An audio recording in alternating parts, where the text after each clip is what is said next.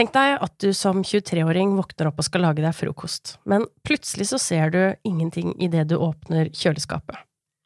Tenk deg at du gradvis får synet redusert til 2% Men likevel så er du en av Norges aller raskeste menn.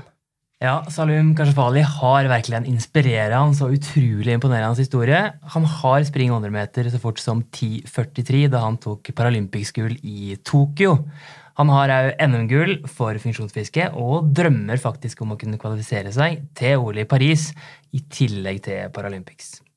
Men selv om Salum gjør det bra og har blitt noe så sjeldent da, som man nesten må si, som en svaksynt idrettsstjerne, har det de siste åra bare blitt færre og færre blinde og svaksynte som driver med idrett.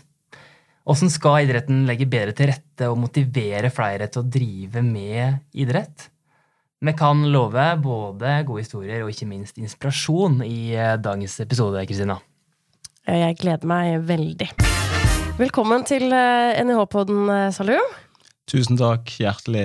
Det er jo kult å bli invitert hos dere. Du fikk tid mellom treningsøktene? jeg hadde ikke noe valg. Nei. nei, jeg gjorde det. Jeg gjorde det, Jo da, jeg gjorde det absolutt. ja. Nei, tusen takk. Du var i hvert fall veldig positiv med en gang vi fikk mm. Eh, kontakta deg og spurt. Det mm. setter vi stor pris på. Og Adrian Lindgren, Hei. du sitter også i studio. Det gjør jeg. Ja. Hvem er nå han, Gjermund? Ja, Du er jo rådgiver da, for idrett i Blindeforbundet. Og jeg har jo vært student her på NIH. Har en bachelorgrad i trening, coaching og idrettspsykologi. Og så veit vi at du er tidligere roer på ganske høyt eh, nivå. Og nå jobber du da med å få flere synshemma og blinde inn i idretten. For der har jeg skjønt at det har vært en nedgang om dagen?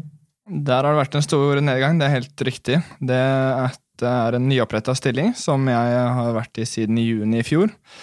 Ettersom man har sett at eh, færre og færre blinde og svaksynte er aktive. Før var jo vi en av de største undergruppene innenfor paraidrett, og det var vanlig å være 40-50 aktive på friidrettsbanen, mens nå er det veldig få som driver med idrett. Så det er en trend eh, vi som organisasjon ønsker å snu. Så da er det et nytt eh, satsingsområde for oss. Åssen er det å høre det, Salum, at det er færre som driver med, med idrett av, av blinde og saksynte? Uh, jeg syns det er veldig trist, da. At uh, det har uh, altså rapidly bare blitt mindre og mindre hvert år. Så jeg veldig, veldig kjedelig å høre. Mm. Og fint at de, de velger uh, å sette fokus på det for å lage en endring. Mm. Om jeg skal komme mer inn på hot du, Adrian, og det kan i Blindeforbundet gjøre for å endre det og få flere med i idretten, men først må vi høre litt mer om de historie, Salum. Den er det mulig å la seg inspirere av, vil jeg si. Eh, du har fortalt den historien i mange sammenhenger. Sikkert mange som har hørt den, kanskje noen som ikke har hørt den. Eh, du holder foredrag, og du har fortalt den i media. Men den der store omveltinga som skjedde da ditt syn da ble redusert såpass mye, eh, går det an å beskrive hvordan den omveltinga var for deg? Uh, ja, jeg kan prøve å forklare det, men først, før jeg gjør det, så forteller jeg hvilken altså, synssykdom jeg har. da. Jeg har synssykdom som heter Stargards som er medfødt, og, og i forskjellig grad så utløses fra da man er født, og nå får de tenåring. Uh, og i mitt tilfelle så fikk jeg det da som 22-23-åring, da. Um, så jeg våknet egentlig basically en dag um, og skulle lage meg en frokost etter en lang dagen før med skole og trening. Åpne kjøleskapet, og der var det absolutt ingenting å se i kjøleskapet, bare masse farger og blør i. Så jeg tenkte ikke noe over det, så jeg bare gikk og la meg igjen. Uh, tenkte at er bare ja, det er bare svimmel og slitsomhet. Jeg våknet kanskje en time, to timer etterpå. Um, var like dårlig, mistet balanse, jeg gikk i vegger, jeg trynte han. Um, og da ble jeg ganske bekymret, så det er det jeg gjorde, fant frem telefonen og ringte legevakten. Uh, og de kom på minuttet, for de trodde det var slag, da. Eh, egentlig. Eh, så jeg ble fraktet til legevakten, og de barna du er frisk som bare det, men du har jo nesten ikke syn igjen.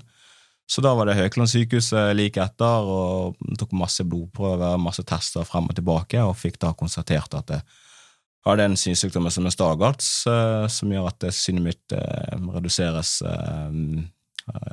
år etter år. Og da har det fått 5% syn, da. Gikk fra kanskje 78% til da 5% syn. og Og det var ikke muligheten for å, at det skulle bli bedre. Eh, så det var en veldig sånn eh, surrealistisk eh, beskjed å få, da. Du, altså, du så bokstavelig talt ikke fremtiden din, og, og, var egentlig sånn Ikke en deprimert periode der hvor du, du, du vet ikke hvordan livet ditt skulle bli fremover, da, egentlig. Så da var det egentlig bare å prøve liksom så godt jeg kan å prøve å kartlegge fremtiden, samtidig som det var veldig vanskelig, da. For det er en ganske sterk historie, og jeg bare tenker at veldig mange ville kanskje bare ha lagt seg ned. I hvert fall for en liten periode. Altså. Hva, hva, hva var det som gjorde at du reiste deg opp igjen og gikk videre? Mm. Nei, jeg, jeg, var, jeg, var, ganske lenge så var jeg ganske nede, selvfølgelig. Eh, men, men med tiden så var det natta hvor, eller en dag der hvor jeg eh, satt og tenkte liksom at jeg, det er ikke min feil at jeg har den situasjonen. Det, det er ikke noe jeg kan gjøre for å forandre en situasjon. Det er sånn i realiteten. Jeg kan ikke bremse livet mitt på grunn av uh, at dette skjer mot meg. Jeg uh, må prøve å komme på beina. Uh, det er sikkert en der ute som hadde drept for å være min, min situasjon.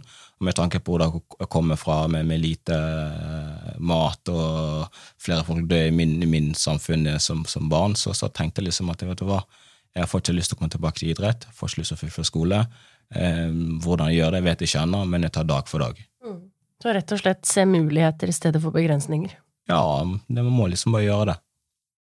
Ja, og Du var jo topptrent på den tida òg. Du, du, var jo en av Norges beste sprintere før dette her skjedde her. Eh, og så, Du ville ikke gi opp den drømmen, sjøl om eh, synet ditt ble redusert såpass mye? Uh, nei, jeg, eh, til å begynne med så ville jeg egentlig gi opp alt. Uh, men, men, med tiden så tenkte jeg liksom at jeg, jeg har forskjellig komme tilbake til idretten. Eh, hvor god det skulle bli, det vet jeg ikke, men jeg har ikke lyst til å ut og ha det gøy. Eh, og da var det å ta kontakt med alle ressurser og trenere rundt meg, og, eh, og ja, prøve å kartlegge på, på, hvordan jeg skal på en måte komme tilbake til å, å bli en av de beste sprinterne i Norge, om det var mulig, men jeg ville få prøve. Og før jeg mistet synet mitt, så var jeg alltid nummer to, nummer tre i Norge, vant 60-meteren og ble norgesklasse mann, men jeg var aldri sånn topp kom akkurat i EM med røk i semifinalen, så jeg var liksom trolig aktiv. Og drømmen var selvfølgelig å få lov til å bli en av de beste sprinterne uavhengig av eh, ja, ja, i hele verden, uavhengig av nesafunksjon eller hva det måtte være. Men må jo si at det har gått eh, relativt bra da, de siste sesongene med, med Tokyo som et stort høydepunkt og VM-gull og hele pakka? Jo da, absolutt. Og det, det er det fine med, med idretten, at det, det spiller ikke en rolle hvilken nedsatt du har, hvilken, uh, hvor gammel du er, kjønn, eh, alder. Det er liksom plass for alle. Og, og for meg i det tilfellet så ble paralympiske en, en, stor høydepunkt, for det er noe jeg aldri kunne drømme om. Så du drev med idrett før. Du fikk uh, vite at du hadde en sykdom. Mm -hmm. Du driver fortsatt med idrett. Selvfølgelig. Hverdagen din som idrettsutøver, hvordan er den? Altså, Er det noe forskjell, eller er den som før? Svaksynt versus ikke svaksynt? Uh, veldig godt spørsmål. Altså, hverdagen min er samme, altså, basically det samme som før. Uh, det med min hverdag er ikke trening som er det vanskeligste i min hverdag. Det er liksom det, det letteste, for det, det, kan jeg kontrollere, på en måte, og ha folk rundt meg som kan bistå at det går. Men det er alt annet rundt da, som, uh, som er slitsomt. da. Det å komme fra A til B, handling, og ja, ekstra, ekstra, ekstra. Og, og, og, kanskje det som er mest belastende for meg, det er jo det hele tiden ta kampen om at eh, jeg ikke får samme like mulighetene til rettelegging som, som en eh, ja, som en funksjonsfisker, for vi alle i, i samfunnet trenger tilrettelegging for at vi skal gjøre best mulig arbeid. Dere som sitter her, for at dere skal gjøre best mulig arbeid, så må dere tilrettelegges for hvordan dere skal bruker deres egenskaper eh, best mulig vis. Og det samme trenger vi svaksynte og blinde også. Så det er ikke noe forskjell. Så det er kanskje det som jeg syns er liksom, ja, liksom kjedelig, da. Ja, har jeg det mest å hente der, da? Har jeg du, du kjenner på de største problemene og utfordringene der? Nei, jeg føler liksom at det er mest å hente. Det er jo altså For blinde og svaksynte så er det selvfølgelig mye å hente i forhold til inkludering der, da. Eh, men for meg personlig så har jeg mer å hente i forhold til at jeg eh, har en utrolig bra støtteapparat ut meg, og jeg er en produkt av som ikke gir meg uansett, eh, uansett hva som jeg møter på meg. Jeg er glad i idretten og har lyst til å, lyst til å bli bedre, og, og, det er takknemlig som jeg får muligheten til å gjøre hver dag, dag inn, dag ut. Jeg syns det, et, eh, det kommer et godt poeng med at det ikke nødvendigvis er det å være aktiv hvor det på en måte er flest hindringer. Det er kanskje mer i hverdagen. Adrian, du møter jo mange svaksynte og blinde. Hva, hva er det de oppgir som eh, barrierer eller hindringer for å ikke være aktive? Det er eh, utrolig mange barrierer vi møter, jeg møter på i jobben min og i møte med blinde og svaksynte. Det er eh, mange som er, eller flere som er aktive, men det er enda flere som ikke er aktive. Og det dreier seg om flere ting. Det dreier seg rett og slett om at det ikke er tilrettelagt, eller at de ikke vet om tilbudene som finnes i idretten, og ikke ser på idrett som en naturlig ting å drive med. Um, fordi de aldri blitt introdusert for det. Kanskje de har blitt ekskludert fra kroppsøvingstimen. At man får beskjed om at nei, dette er ikke noe for deg. Og jeg har uh, fått um, snakke med foreldre som forteller at barnet mitt gråter hver fredag, for da, skal jeg på, da er det kroppsøving på skolen. Og da tenker jeg når det, man møter på sånne barrierer tidlig alder, så er veien inn til idrett kjempelang hvis du ikke engang får være med på enkel, enkle fritidsaktiviteter på skolen. Så det er, det er, mange steiner som eh, skal snus. Og så prøver jeg ikke å leke superhelt, eh, men eh, å ta tak i noen sånne områder for å skape god kvalitet. Så kan man jobbe litt bredere etter hvert. Men det er ganske mange vonde historier du har hørt om fra både foreldre og barn rundt om i landet i jobben din? Ja, det er, det, er vonde, det er, flere vonde historier, og som jeg, det er utrolig urettferdig at det skal være sånn. Og det er en skikkelig vanskelig når det kommer foreldre og sier at sånn har det vært i, et halvt år. Da. Det er aldri for sent å snu det, men jo lenger den tida eh, går hvor det har blitt ekskludert, jo vanskeligere er det å få de til å bli motivert. Selv om skolen eller idrettslaget hadde eh, tilrettelagt, så er det på en måte den veien for å snu motivasjon og eh, engasjementet rundt aktivitet er vanskelig. Det er flere som er, eh, blir bare satt på et rom på en spinningsykkel eller opplever sånne ting, og det mener jeg er uh, feil. Mm. Nå har du allerede sagt det, at, at idretten, så da antar jeg at det skjer i noen tilfeller, legger til rette. Men ja. hvordan, hvordan, er det idretten sånn generelt over kan legge til rette for at flere blir med? Mm. Jeg ser på det som eh, det er to områder jeg på en måte peker ut som eh, spesielt uh, viktige. Og det er idretten. Idretten har jo ansvar for å legge til rette. Men Uh, idretten skal også forholde, forholde, seg til mange grupper som oss. Og så, vi har vært ute i Gåstein fra idretten i lang tid. Så det er Det kreves eh, Altså, idretten vet jo ikke hvordan man legger til rette for vår målgruppe. Så Blindeforbundet ønsker å stille som ressurs- og kompetansesenter for de idrettslagene og særforbundene som um, skal inkludere blinde og svaksynte. Så nå har vi søkt midler gjennom Lotteri- og stiftelsestilsynet for å eh, lage sånne tilretteleggingsverktøy da, som skal eh, være lett tilgjengelig i idretten, og kanskje etter hvert implementeres i trenerutdanninger, sånn at det er kunnskap der ute, og at man kan dele på tvers der man, eh, der man eh, har blinde og svaksynte, eller ønsker å få det. Det må vi jo høre mer om, men først jeg vil høre er jo litt om det med, med ledsagere, som selvfølgelig er viktig for mange synshemma blinde utøvere. Og det er ikke alltid like lett å få på plass for, eh, for utøverne deres eh, som konkurrerer. Det stemmer. En ledsager er jo man kan si på mange måter at det er blinde og svaksyntes hjelpemiddel. Der andre er kanskje avhengig av en kjelke eller noe sånt, så er et par øyne det viktigste hjelpemiddelet for blinde og svaksynte. Man kan ville så mye man vil til tider, men uten menneskelig ressurs så kommer man dessverre ikke langt. Og det var det med ledsager var jo mer vanlig før i tid, at man stilte opp frivillig for eh, naboen sin holdt jeg på å si, og var eh, aktiv. Men eh, det er også noe som har falt fra de siste årene, så det er jo i stor grad en politisk sak for å få bedre ledsagerordninger som BPA og treningskontakt, men også det å uh, ha flere ledsagerkurs og gjøre det attraktivt da, som uh, jobb. Særlig for NIH-studenter så hadde det kanskje vært midt i blinken å være ledsager for en blind og svaksynt.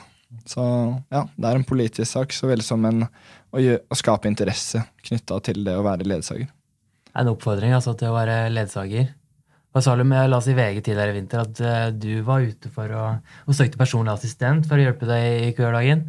Åssen har det gått? Eh, det stemmer. Det er kanskje en av den største omveltningene som har kommet i min hverdag nå. Det å kunne få lov til å ha en assistent som, som gjør hverdagen mye lettere. Fra å gå til trening til å lage mat til å reise på stevner, og jeg reiser veldig mye. Så, så det, at det er utrolig mange stykker, over 300 stykker, og nå har vi endelig klart å få et par stykker som er med meg eh, i hverdagen min. Så det er amazing.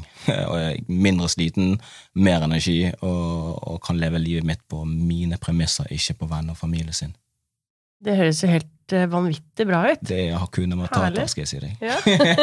Det er også veldig sosialt og mor- mors Det er jo en vinn-vinn-situasjon å være ledsager. Man får jo trent selv og gjort en eh, god gjerning. og Det er jo en løpegruppe på Bislett mm. der hver onsdag. Der er det en liste på flere titalls, ja, kanskje hundre òg, som er ledsager. Ja, ja. Så der stiller man opp frivillig. Så Utrolig kul gjeng. Det anbefaler jeg alle som lytter. Ja, jeg går absolutt. Salum, i, i ditt forbund, Friidrettsforbundet, har du Mm. gode eksempler på, på jobb eh, der han har jobba godt der da, for å legge til rette for, eh, for deg og, og andre svaksynte, eller motsatt, på, Eh, eksempler på det motsatte? Jeg, ikke, jeg, bare, altså, jeg tenker jo først og fremst er kunnskaper. eh, få kunns, det å få kunnskaper fører til holdninger. Så når folk- folk har tilegnet seg kunnskap, så er det lettere å, å ha holdninger i forhold til hvordan de skal inkludere og sette til rette for. I mitt tilfelle så har jeg egentlig vært en stemme der hvor jeg, jeg har vært tydelig med hva jeg trenger, hva jeg vil ha, og, og forventer at det, det følges opp og blir satt på plass. eh, For at det, for det, jeg sjøl vet hva han ønsker, og da har jeg egentlig bare vært tydelig og klart, og da har det bare fulgt opp. Så, så det er egentlig sånn det har vært i min forbund, egentlig.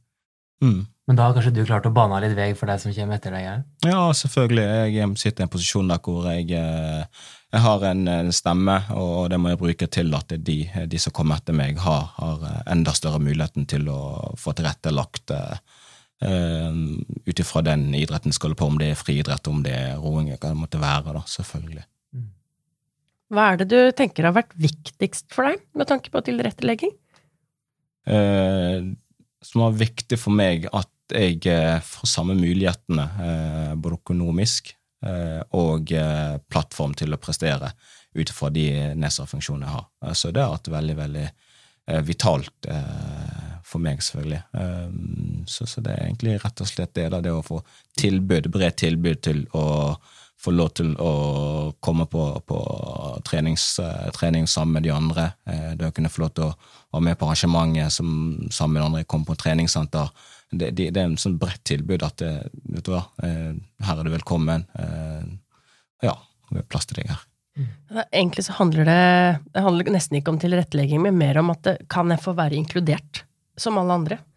Ja, det skulle bare mangle. Mm, Enig. enig. Det er veldig interessant dette med tilrettelegging, syns jeg også. For tilrettelegging, det er eh, Man vil jo helst at det skal bli tilrettelagt uten at det føles ut som det blir tilrettelagt. For eh, jeg personlig ville jo ikke blitt, eh, vært med i, en, eh, i et idrettslag eller en gruppe hvor jeg føler at alle tilpasser seg meg. Men at det, er, at det er så godt tilrettelagt og så god kunnskap at man er en del av gjengen.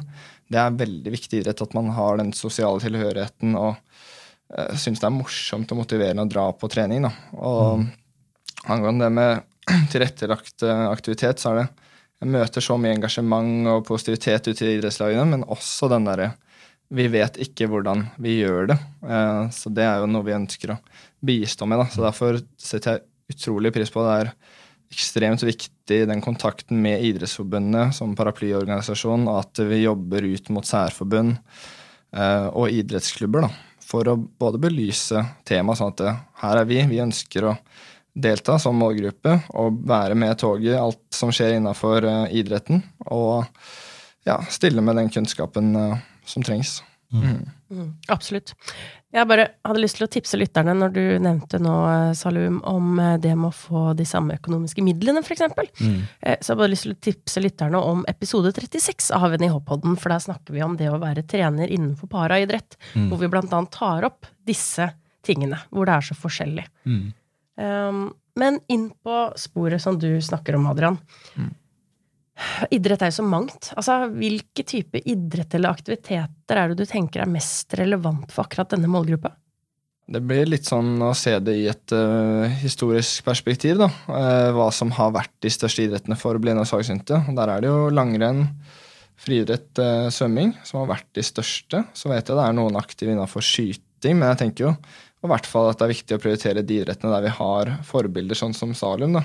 Det er utrolig å høre på hans historie og hvordan det er ekstremt fantastiske refleksjoner han kommer med her. Og det ønsker vi å få ned til de som For å skape en større bredde, sånn at vi kan igjen få en større topp da, med flere. Vi ønsker jo flere som Salum, som uh, lykkes i idretten. Så mm. Men sprint er tydeligvis et godt valg, da? Ja, For meg har det vært et godt valg, men det har ikke alltid vært det. Det, det fine med idretten at når jeg mistet siden jeg spilte fotball, mm. så når jeg ikke kunne gjøre det lenger, så var det, da måtte jeg prøve noe nytt. da, Og det falt naturlig å begynne på på sprinter. Så det er jo bredt med muligheten man kan holde på Man kan bli hva man vil da, hvis man bare prøver 100 forskjellige ting, og, da, og en av de vil, vil sitte til slutt. da. Mm. Men hvis en, hvis en, tenker seg at en idrettsleder av et idrettslag, eller en trener eh, som sitter og hører på i dag, og som kanskje har tenkt at åh, det her er noe en burde ha jobba mer med, lagt bedre til rette, en har ikke synshemma eller blinde utøvere i klubben sin i dag, har du noen konkrete tips til hvordan er i gang? Jeg tenker å vise frem på de plattformene de har, da, at de ønsker å inkludere alle, altså paraidrett og blinde og svaksynte. Det, og ikke minst eh, ta kontakt med oss og høre om eh, vi kan på en måte eh, formidle dette videre til vår medlemsmasse. For det også er Jeg nevnte stad at to områder jeg jobber spesielt med. Den ene er på en måte tilrettelegging i idretten, og det at idretten skal ta ansvar. Men det er også utrolig komplekst hvordan man skal på en måte skape engasjement, og at idrett og aktivitet skal bli noe morsomt og motiverende å drive med. Da. For det er eh, Egentlig så har jeg bare lyst til å leie en buss og så kjøre rundt og plukke opp alle sammen og si 'bli med meg på det'. Det blir morsomt. Men når du får en e-post eh, som bare forsvinner ned at det er et tilbud der, det treffer ikke like bra. Så det er noe vi må jobbe med også. Og hvis idrettslag ønsker å inkludere, da, så kan vi også spre det til våre, da. Våre medlemmer og vår målgruppe. Mm. For Det er jo forskjell på, på Salud som Du var jo i idretten. Du, du likte idrett og bare fant seg en ny idrett eh, mm. når fotball ble for vanskelig, mm. enn deg som ikke er aktiv og som tenker at idrett ikke er noe for deg, for, for seg, fordi det blir noe saksynt. Mm. Det, er det er vanskeligere jo... å rekruttere deg, sikkert? Ja, ja, det er jo det. Og så er det jo på en måte Hvordan skal man få noen som ikke er uh, interessert i idrett, til å bli interessert? Det er vanskelig, så jeg er avhengig av å jobbe godt, uh, altså samarbeide internt i egen organisasjon og med andre for å belyse temaet. Så jeg tenker jo uh, aktivitetsdager, prøve ut forskjellige idretter i trygge omgivelser. Så nå har vi planlagt en aktivitetsdag i Agder og en i Innlandet for blinde og svaksynte, der de, det er samarbeid mellom Blindeforbundet og Idrettsforbundet. Eh, der de kan komme og prøve idrett, da, bli introdusert for idrett. og at det, kanskje hvis de får informasjon om uh, aktivitetstilbud, at terskelen er litt lavere. Vi ønsker mm. å få den uh, barrieren lengst mulig ned. sånn at det, til slutt så er det sånn at de henvender seg for aktivitetstilbud, uten at vi må på en måte mase og dra med. mm. Mm. Hvor mye bruker dere Salum? Som tar dere med ham på arrangementer og bruker han som inspirator, eller? Foreløpig så har, ikke, har, vi ikke gjort det. Jeg har jo snakka med Salum før, men eh, jeg vil jo gjerne snakke mer med han. Jeg vet at han er en eh, opptatt, eh, en, en opptatt herremann. Som, han er den mest profilerte ja, innenfor blinde og svaksynte vi har. Jeg forstår at han er opptatt. Som tidligere idrettsutøver selv så vet jeg at det er mange baller i lufta. Men vi ønsker jo å få til en løpegruppe. Vi er allerede en stor løpegruppe for blinde og svaksynte på Bislett hver onsdag. Vi håper å få til mer ungdoms, eh, en ungdomsgruppe der. At eh, Salum kanskje kunne kommet innom eller mm. hatt et lite opplegg. da, sånn at det mm. er til inspirasjon. Ja, det, at det er veldig gøy. Absolutt. Mm. Ja, det er bare til å lage bra plan, så finner vi mm. ut av det. Så må jeg bare legge til at det, det du sa i sted om eh, at vi, vi alle samfunnet har altså Det er der samfunnet kommer inn da, for å gi like muligheten til alle sammen.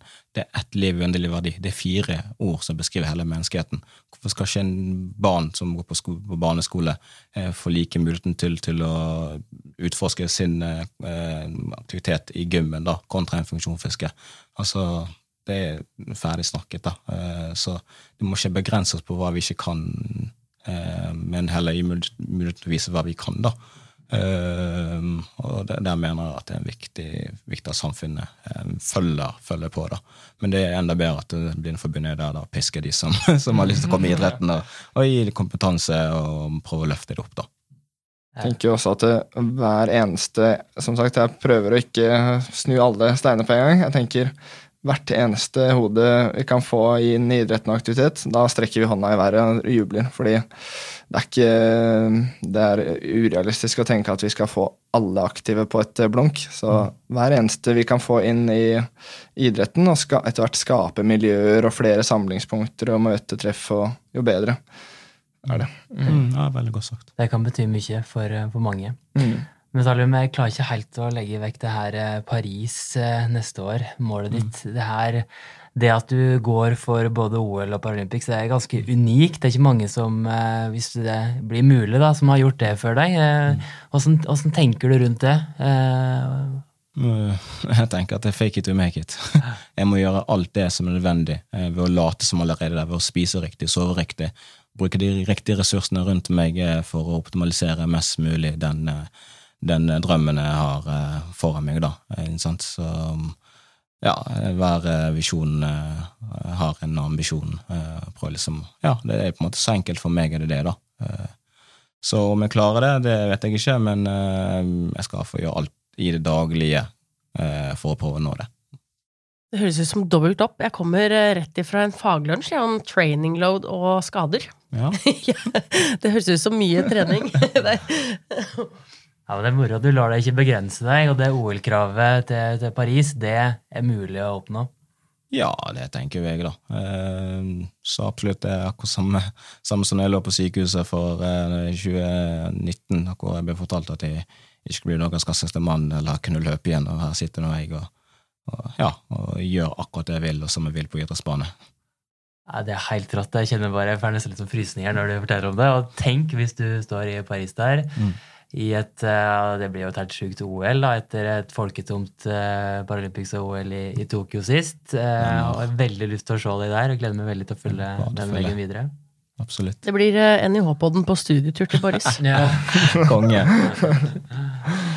Jeg har lyst til å skyte inn at hvis du som eh, lytter tenker at dette her har jeg lyst til å jobbe med, så har vi, og det nærmer seg, søknadsfrist 15. april på studiet fysisk aktivitet og funksjonshemming. Gå inn på nettsida vår nih.no hvis du har lyst til å lære, nei, lese mer.